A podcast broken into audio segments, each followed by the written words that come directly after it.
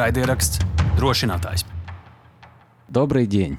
Добрый день. Мы знаем, как ваше имя, фамилия, но не сказали ваше имя, если мы говорим о доктор Клоун. Познакомьте нас. Да, меня зовут Апельсина. У меня, конечно, есть и отчество Наполеоновна, но я его употребляю очень редко.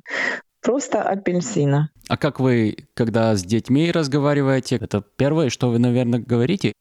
Нет, это бывает абсолютно по-разному, потому что иногда мы контактируем с детьми без слов, иногда представляемся. Но это тоже может быть в такой веселой клоунской форме, когда я представляю свою подругу или партнерку или партнера и говорю, как его зовут, а мой партнер представляет меня например. Либо мы можем устроить какую-то игру, когда ребенок может угадать, как меня зовут. Но это все может быть абсолютно по-разному. У меня в клоунском костюме есть такие подсказки. У меня шапочка оранжевая с зеленым листиком, очень похожая на апельсинку, поэтому абсолютно по-разному бывает. А почему апельсинка?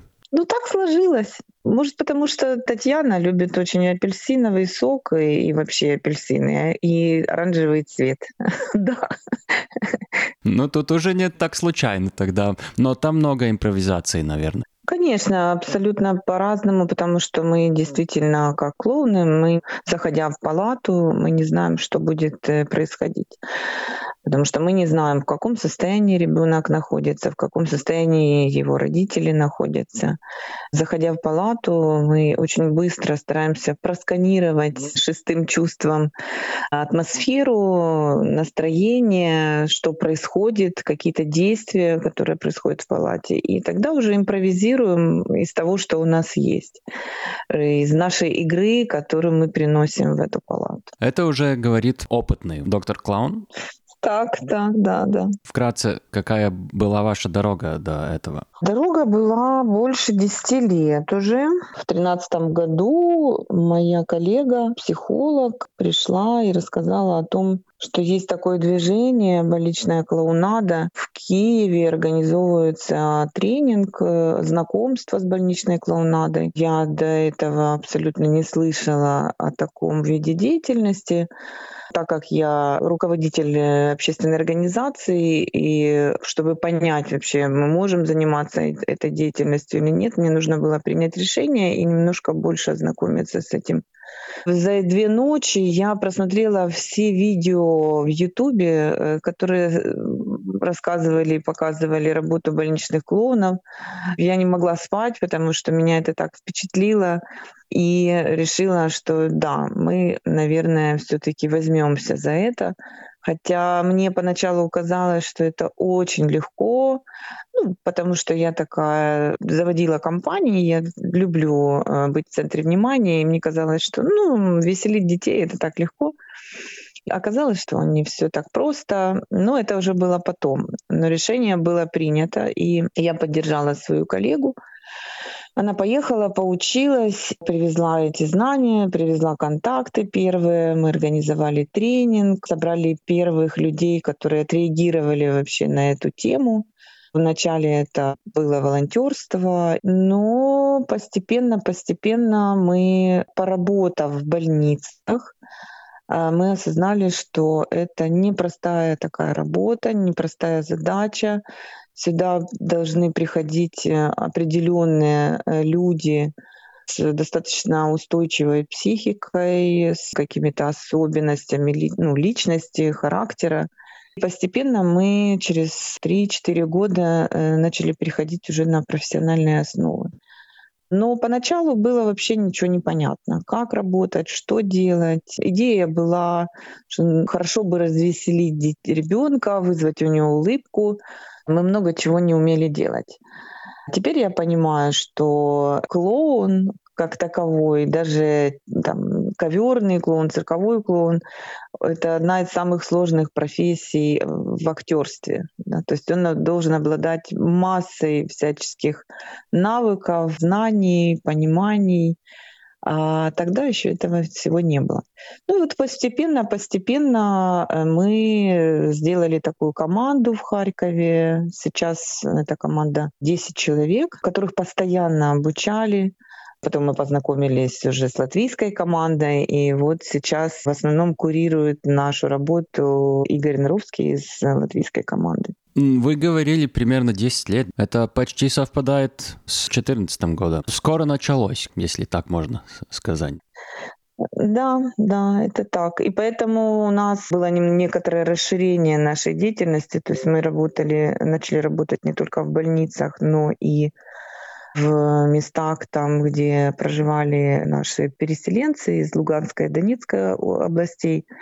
Мы начали делать такие мини-спектакли интерактивные, в которых мы включали упражнения для снятия стресса, других реакций на стресс. Это был первый такой спектакль, у нас назывался он «Потеряшки», про двух клоунов, которые гуляли в лесу, и когда началась гроза, то они испугались и разбежались. И как они преодолевали все эти препятствия, как они встречали новых друзей на своем пути — как они справлялись э, со своими эмоциональными состояниями. Вот этот спектакль, он как бы включал все реакции детей, э, которые пострадали от военных действий. И это было очень важно и здорово, что мы давали им такой путь решения проблемы, скажем так. Ну, это я так говорю, как э, серьезная Таня, психолог, который понимает и знает э, в травматерапии и работе с детьми. Расскажите немножко больше о серьезной Тане. Работаю психотерапевтом, у меня есть своя личная практика. Долгое время я работала с, э, как раз с тематикой детей и их взаимоотношений с родителями.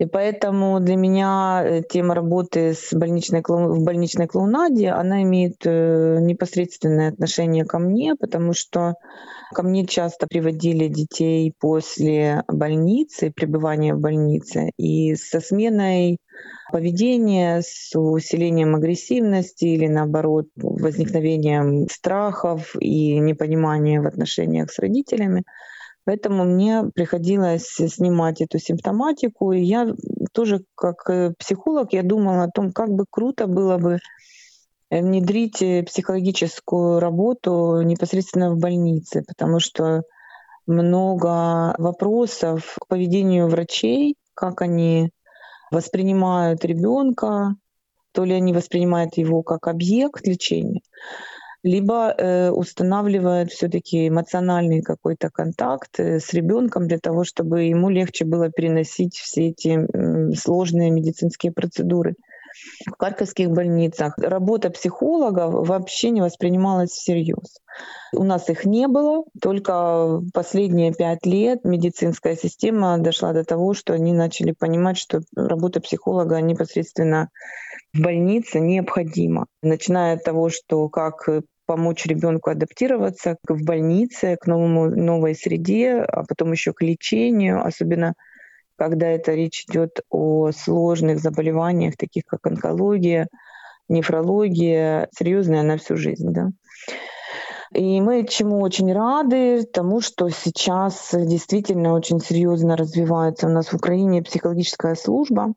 Но на тот момент, когда я столкнулась с больничной клоунадой, я увидела, что это очень классная, веселая форма, как мы можем потихонечку внедряться в больницы и облегчать состояние людей, которые туда попадают.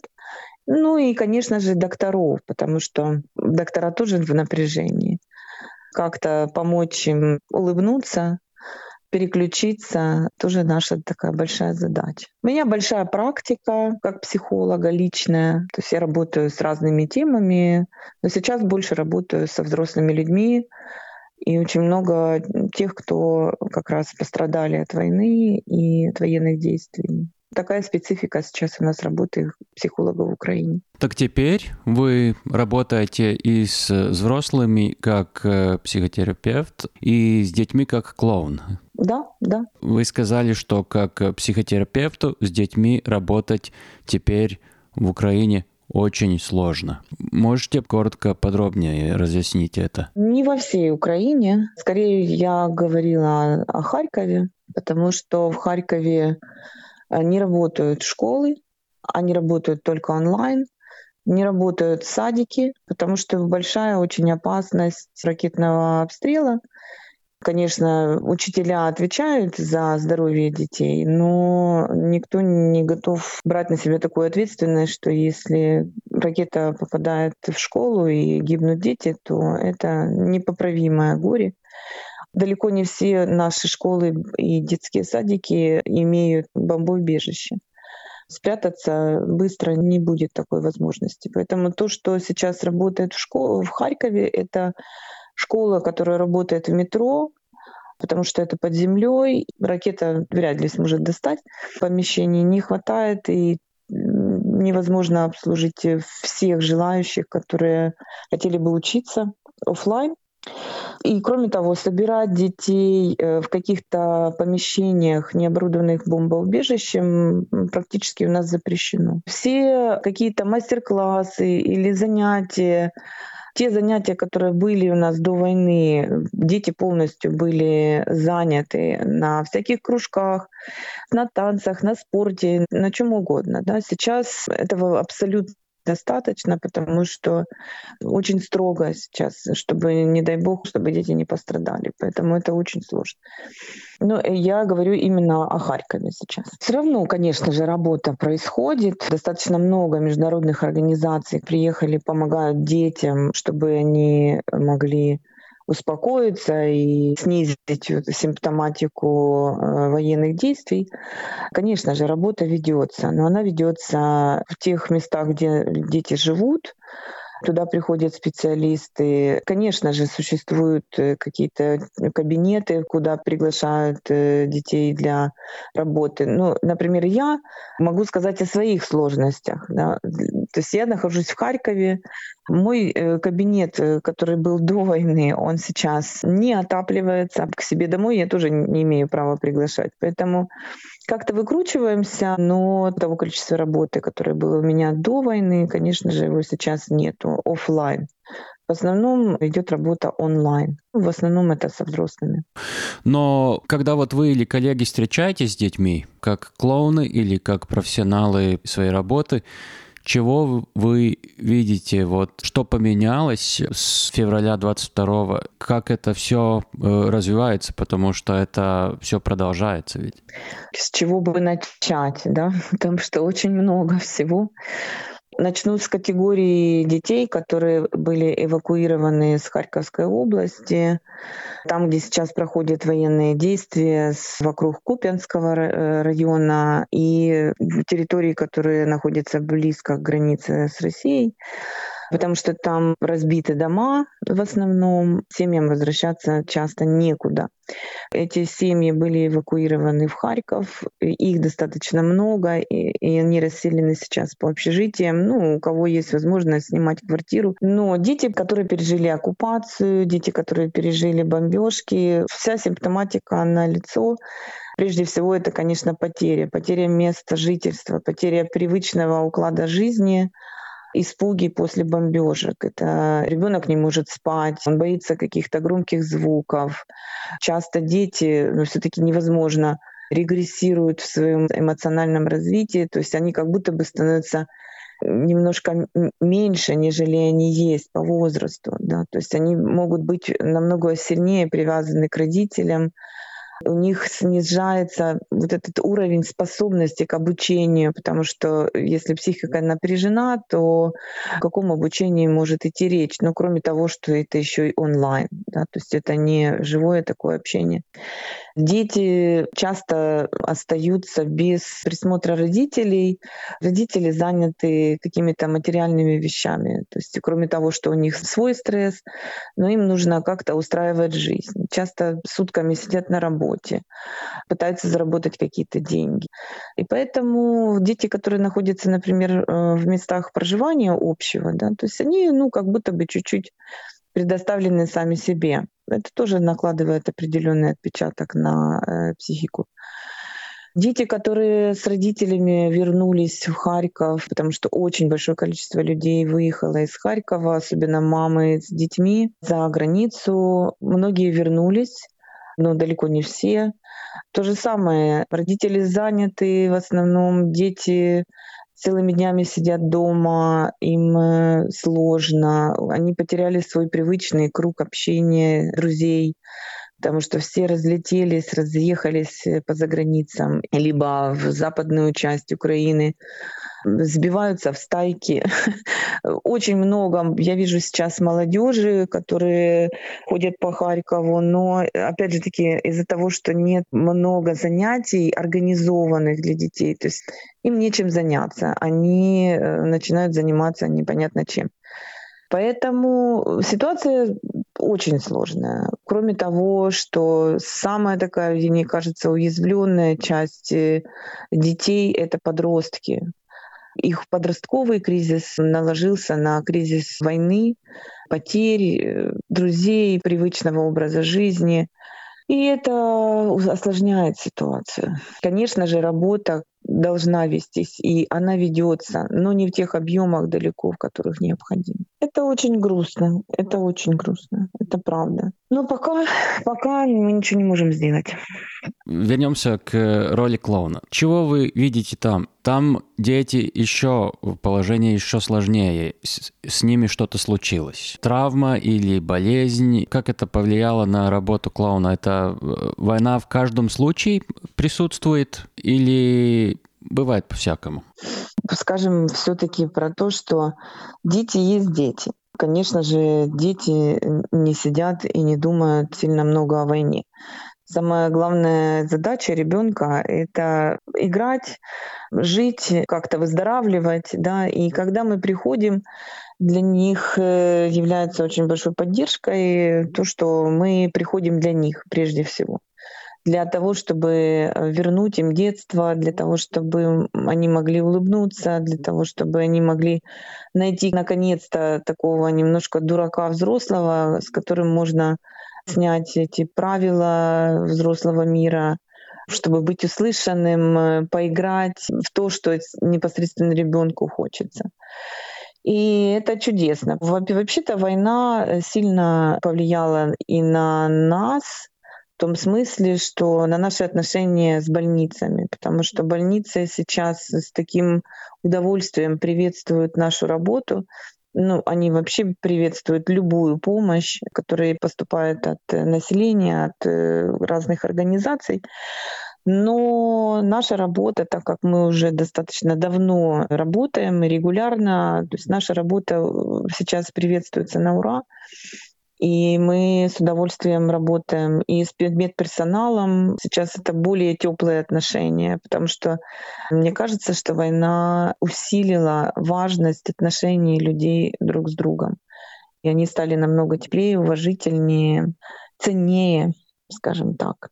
Поэтому, когда мы приходим, то у нас открыты двери, и мы работаем со всеми. Организовываем досуг ребенка в больнице, потому что если он уже в больницу попадает, то понятно, что он там находится ну, по-разному, да, все равно диагнозы остаются диагнозами. Если это онкологические дети э, с онкологическими заболеваниями, они находятся долго. Если это возможны какие-то амбулаторные лечения, то понятно, что стараются, чтобы дети больше находились дома. Ну, самое главное, мне кажется, это получить контакт с ребенком а дальше мы уже с этим управляемся. То есть если ему необходимо как-то отреагировать злость свою, сказать, что нет, я там не хочу играться с клоуном, вы вообще все дураки и так далее, то для нас это окей, потому что он смог вообще что-то сказать, как-то возвратить контроль в свою жизнь. Если дети реагируют э, улыбкой и интересом, мы ходим и ищем э, непосредственно ту игру, которая была бы для него сейчас самой важной.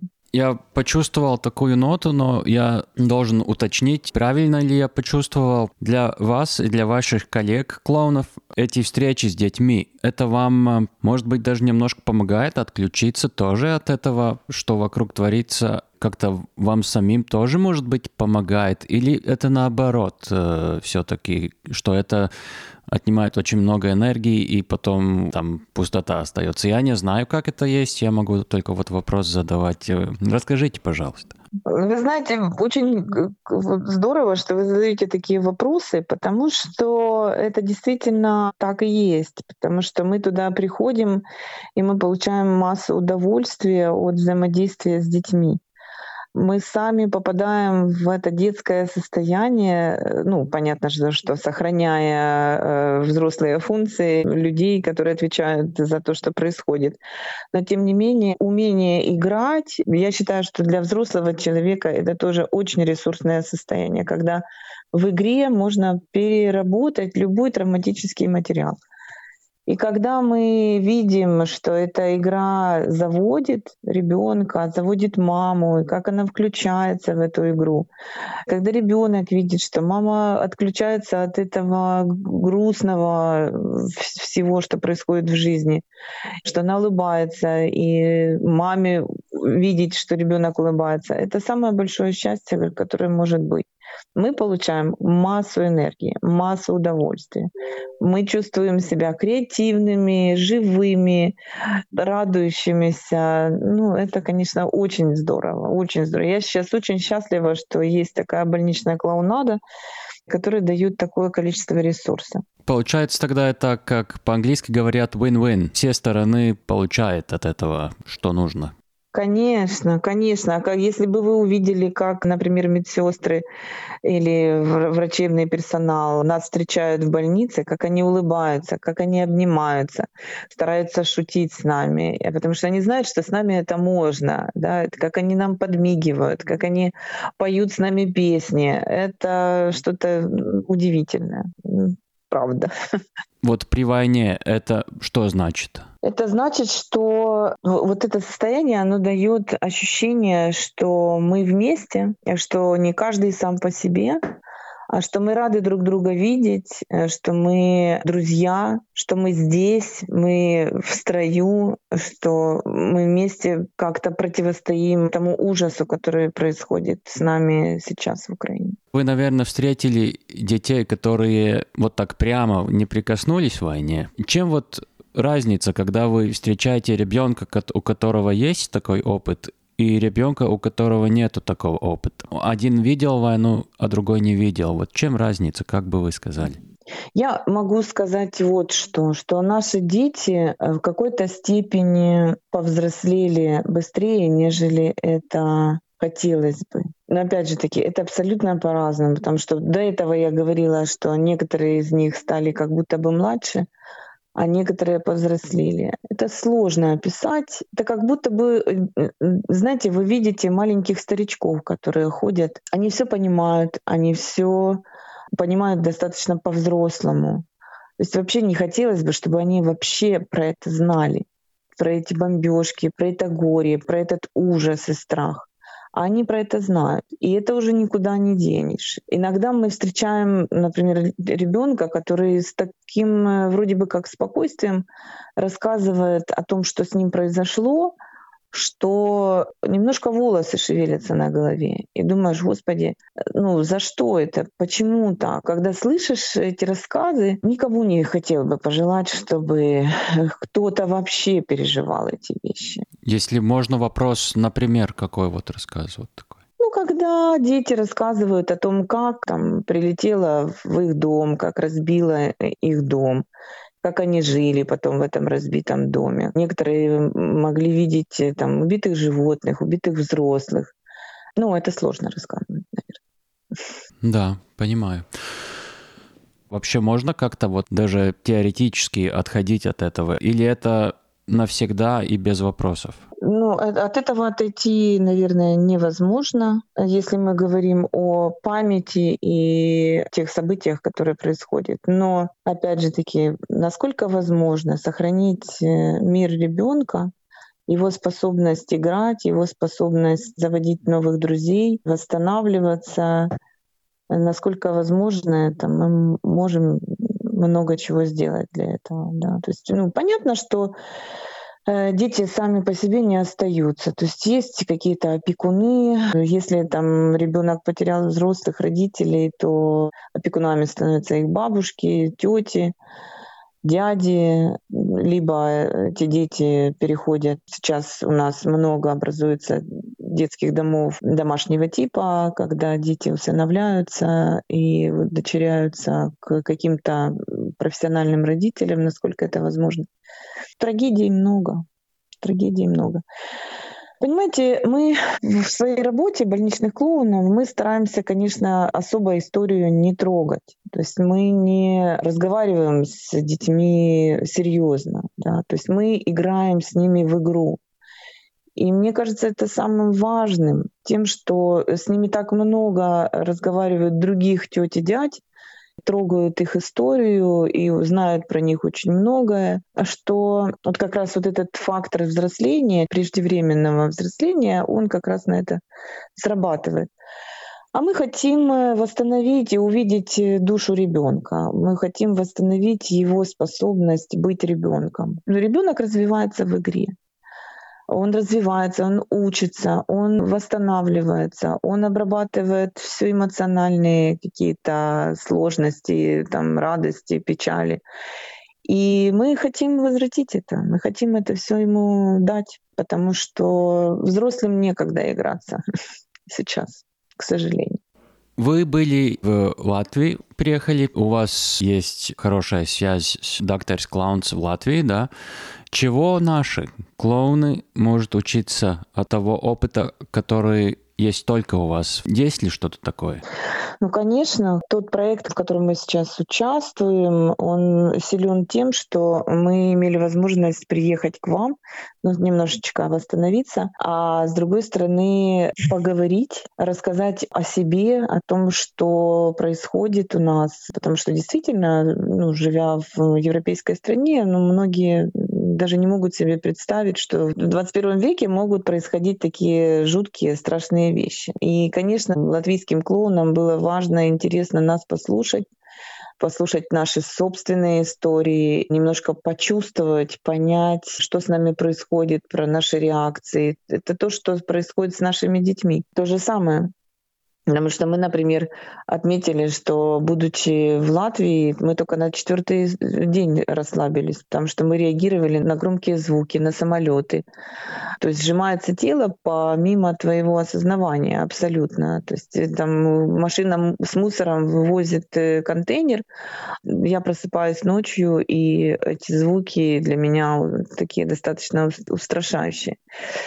Вот. И поэтому, конечно, им было очень важно это все услышать. Для того, чтобы найти способ, как приблизиться к детям, которые приехали из Украины, чтобы не ретравматизировать таким психологическим языком, не углубить травму, да, а ее наоборот вытянуть ребенка из этого состояния. Так как э, люди уехали, многие дети не слышали самих взрывов, некоторые слышали, по-разному бывает, но самое важное, то, что делают наши латвийские коллеги, это то, что они становятся друзьями нашим детям. Это очень большой такой пласт улучшения состояния, потому что э, наши дети потеряли связи с, друг с другом. И будучи там за границей, э, многие как раз страдают именно тем, что нету друзей, нету с кем общаться нет вот этих глубинных связей, которые были здесь в Украине. Пока они установятся, пока э, ребенок поймет, э, где он находится, в чем семантика, в чем специфика этой страны, пройдет немало времени. Клоуны как такой вот мост, как э, дорога, как переходить с бывшего на следующий этап, да? Конечно, конечно. Ну, в нашей работе мы используем онлайн-формат. Для чего? Для того, чтобы как раз те дети, которые уехали и с которыми мы общались ранее, они с нами поддерживают связь, мы с ними в клоуне играем в онлайн. Многие родители э, нам э, дают обратную связь о том, что вы знаете, что вы похожи, что на данный момент единственная ниточка, которая связывает нас с Украиной, то есть те друзья, которые были в Украине, сейчас продолжают общение и продолжают игру с украинской стороны. Это очень важно. Особенно дети с особенностями развития, которые вообще замкнуты дома с родителями, и им очень сложно социализироваться. Теперь в Латвии мы смотрим насчет самих собой, э, потому что мы тоже имеем границу с агрессором, да, и люди боятся. Вот так я буду просто сказать. Как будет дальше? Ну, дети этого всего слышат, да? Что вы родителям хотели бы сказать? Как говорить с детьми об этом? Мне кажется, что я понимаю, почему такой страх. Но в то же время хотелось бы, честно сказать, прежде всего выразить очень большую благодарность латвийскому народу о том, про ту поддержку, которую вы оказываете нам. Мы это сами почувствовали на себе, потому что то количество флагов, которые мы увидели, э, украинских, это просто трогает до глубины души. И то отношение к украинцам, которое мы на себе почувствовали просто на улицах, просто среди людей, это не передать словами. А что касается родителей, как они подготовили детей. Ну, я думаю, что просто рассказывать э, какие-то страшные истории э, не стоит. Это может превратиться в какую-то травму другого порядка, как это в психологии называется, свидетеля происшествия. Больше играть, больше контактировать друг с другом, слышать детей, уделять внимание, проводить время вместе. Мне кажется, это самое важное, что может быть. Ну и, конечно, я уверена, что у вас не будет такой опасности. Вы э, все-таки немножко под зонтиком находитесь защиты НАТО. Но, конечно же, при первой э, опасности нужно делать что-то, чтобы это было безопасно. Вывозить детей, куда-то их чтобы дети этого всего, конечно, не переживали и не слышали. Не знаю, насколько мои рекомендации могут быть полезными в данном случае. Мне кажется, что не нужно пугать детей войной преждевременно, пока ничего не случилось, скажем так. Да. Но рассказывать о том, что такое бывает, что такое война, как можно себе помочь, это важно. Мне кажется, это важно. И еще я хотел спросить, чего делают докторы-клоуны в случаях, когда вы видите, что эти случаи очень тяжелые, и что там, кажется, нечем помочь, хотя проблема большая? Вы знаете, у нас э, есть э, такая защита очень хорошая. Это наш клонский носик. И мы свято верим в том, что любой ребенок — это мир настолько интересен, э, с которым можно повзаимодействовать и поиграть. А, есть, конечно, очень сложные ситуации, но из того, что я слышала, как работают наши девчонки, очень тяжелая тема, когда ребенок уходит, когда ребенок умирает. Это прям э, действительно тема, с которой мы потом работаем, и как с супервизорами, и восстанавливаемся после этого, потому что ну, всегда очень сложно видеть, что болезнь, например, поборола ребенка. Да? Даже не его, не ребенка как личность, а его тело. И это никуда не делось. Дети уходят от онкологических заболеваний, и мы с этим тоже ничего не можем сделать взаимодействовать с э, умирающим ребенком ну, сложнее всего. Все остальное не имеет такой сложности. Потому что ну, мы работаем и в хосписе, то есть хоспис — это место, где э, находятся дети, которые болеют с болезнями, несовместимыми с жизнью. Да? То есть мы не знаем, когда это может произойти. То есть дети имеют особенности, там, у кого-то нет слуха, у кого-то нет зрения кто-то очень тяжелый в плане контакта. Но мы стараемся видеть в них детей и находим те зоны, где мы можем контактировать, попеть песни, дать какие-то звуки, увидеть эти глаза или прислушивающееся такое состояние, взгляд. И это уже победа. Это дает нам возможность радоваться любой реакции, потому что это счастье иметь контакт с ребенком. Еще один вопрос из коробки, разные вопросы. Насчет языка. Это очень э, теперь меняется. Особенно в тех регионах, которых до вторжения принято было воспринимать как русскоговорящих. Дети конечно, быстро может адаптироваться к таким условиям, но это тоже какой-то ресурс э, берет от маленького человека. Как вы это видите в своем регионе, который именно вот один из таких? Для нас это не, не проблема. Сейчас я разговариваю с вами на русском, потому что вы не знаете украинского языка, и радио работает на русскоговорящую аудиторию. Но вся команда наша приняла решение, что мы работаем и живем только на украинском языке. И у нас нет никаких проблем с контактом с детьми, когда мы работаем на украинском. Это абсолютно естественно для нас, и мы не встречали, я не знаю, как в других регионах, но мы не встречали каких-то проблем, непонимания и так далее. Дети абсолютно легко переходят на украинский. Если даже они не переходят, мы все равно работаем на украинском, и все друг друга понимают. То есть у нас и до войны не было таких особых проблем. Конечно, эта тема поднимается, она важна для того, чтобы ее обсуждать. У взрослых больше сопротивления, у кого-то сопротивление, у кого-то нет. Ну, то есть все по-разному. Вы действительно сказали, что много чего меняется. Ну, это так. Но мы работаем и живем на украинском, не используя русский язык. Расскажите, пожалуйста, поподробнее о вашей организации. Харьковский фонд психологических исследований. Наша организация, она ведет этот проект «Файни носы». Это один из проектов нашей организации. Мы работаем в этом, да. Но у нас также есть еще до войны организовали творческое пространство для подростков, там, где происходило очень много разных видов работ с подростками. Это и психологические тренинги, индивидуальные консультации психолога, плейбэк-театр, какие-то игроти библиотека, творческие мастерские и клубы общения. То бишь у нас э, до войны в Харькове он работал, сейчас мы это перенесли в Ужгород, там, где находится половина команды нашей организации, и там и художественная работа и так далее. То, то, то бишь очень классное такое решение дать подросткам пространство, где бы они могли чувствовать себя безопасно и принятыми. Вот, это второй проект. Потом с 2015 года вели проект помощи семьям военнослужащих, которые погибли на войне. Проект назывался такое «Родинное коло».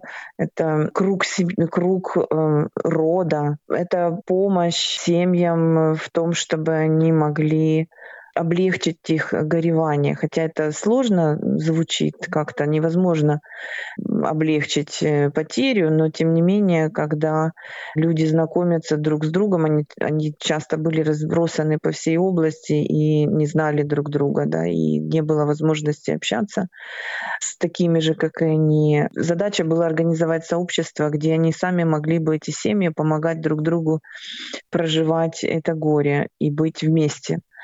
Ну и так далее. У нас было много разных проектов, связанных с помощью переселенцам из Луганской Донецкой области. У нас был целый центр, где мы также занимались адаптацией и интеграцией этих людей в Харьковское сообщество. А теперь уже, видите, много наших адаптируется уже совершенно в других сообществах. Поэтому, конечно, опыта много, но не хватает времени и рук.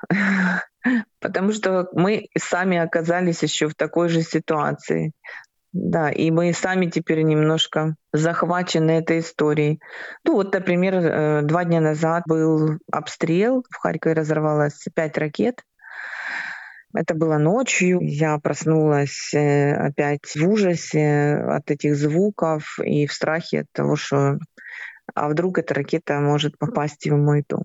Да, ну, сейчас такая реальность предпоследний вопрос. Как мы, те, которые слушаем теперь вас, кроме того, что делает организация латвийских докторов-клоунов, можем помочь вам? Большой вопрос. Большой вопрос. Парочку примеров хотя. Парочку примеров. Иногда мне порой хочется кричать в Европу, к людям с таким призывом и криком о том, что помогите справиться с этим агрессором, с этой ужасной войной. И я точно знаю, что много помощи есть Украине. Это если говорить о глобальном. То, что делает э, доктор Клоун для нашей организации, это невозможно тоже описать словами, потому что первыми, кто приехал в военную страну, в Украину, это был Игорь. Благодаря этой встрече мы смогли съехаться все в одно место, потому что во время боевых действий нашу команду разбросало по всей Украине, и мы смогли встретиться и как-то э, возобновить нашу деятельность, потому что казалось, что это невозможно то, что Игорь проводит супервизии, то, что э, вообще доктор Клоун нас так тепло встретили, и теперь у нас вдвое больше друзей, это для нас очень большое подспорье и надежда, что эта дружба будет теперь навсегда. Конечно, не хватает, возможно, каких-то иногда средств для того, чтобы охватить большую аудиторию детей, у нас в Харькове, в Украине. Поэтому, конечно, материальная помощь была бы для нас тоже очень важной и значимой, потому что наши клоуны тоже хотят кушать, хотя бы иногда. И им тоже важно кормить свои семьи. В основном помощь сейчас идет на военку, на помощь военным для того, чтобы они могли качественно нас защищать и бороться на поле боя. И, конечно, иногда не до доктора клоуна, да, но было бы очень здорово, если бы была такая помощь. Мне кажется, что много из Латвии тоже помогают и деньгами, и словами, и поддержкой, и даже лоббированием в ООН э, и отстаиванием интересов Украины. Для нас это очень важно. Я знаю, что вы хотели сказать э, вот такое одно особенное спасибо. Мы в этом году выиграли грант э, на проект, благодаря которому мы, собственно, смогли приехать в Латвию и взаимодействовать с латвийскими нашими коллегами «Доктор Клоун». Это проект, который реализуется в партнерстве с «Доктор Клоун» организацией и который финансирует Culture Helps, это «Культура помогает», Финансируется эта программа Европейским Союзом в границах специального конкурса. Этот проект в, Украине реализует такая организация, как Инша Свита, и в Германии организация ЗУЗа. Поэтому очень большая благодарность за то, что мы, наша деятельность была поддержана этими организациями, и мы можем действовать дальше. Спасибо огромное. И то, что мы всегда каждому нашему собеседнику спрашиваем в конце нашего подкаста, чего вам лично пожелать? Мне лично? Ай, такой вопрос трогательный. Чего лично пожелать? Ну, конечно, хотелось бы здоровья, сил, чтобы все это выдержать, того, чтобы мы не теряли оптимизма, и все это закончилось. И даже не просто, что все это закончилось, то, чтобы мы вышли из этой войны с победой. Большое спасибо вам. Спасибо большое. Спасибо вам большое за ваш интерес, потому что для нас это очень важно.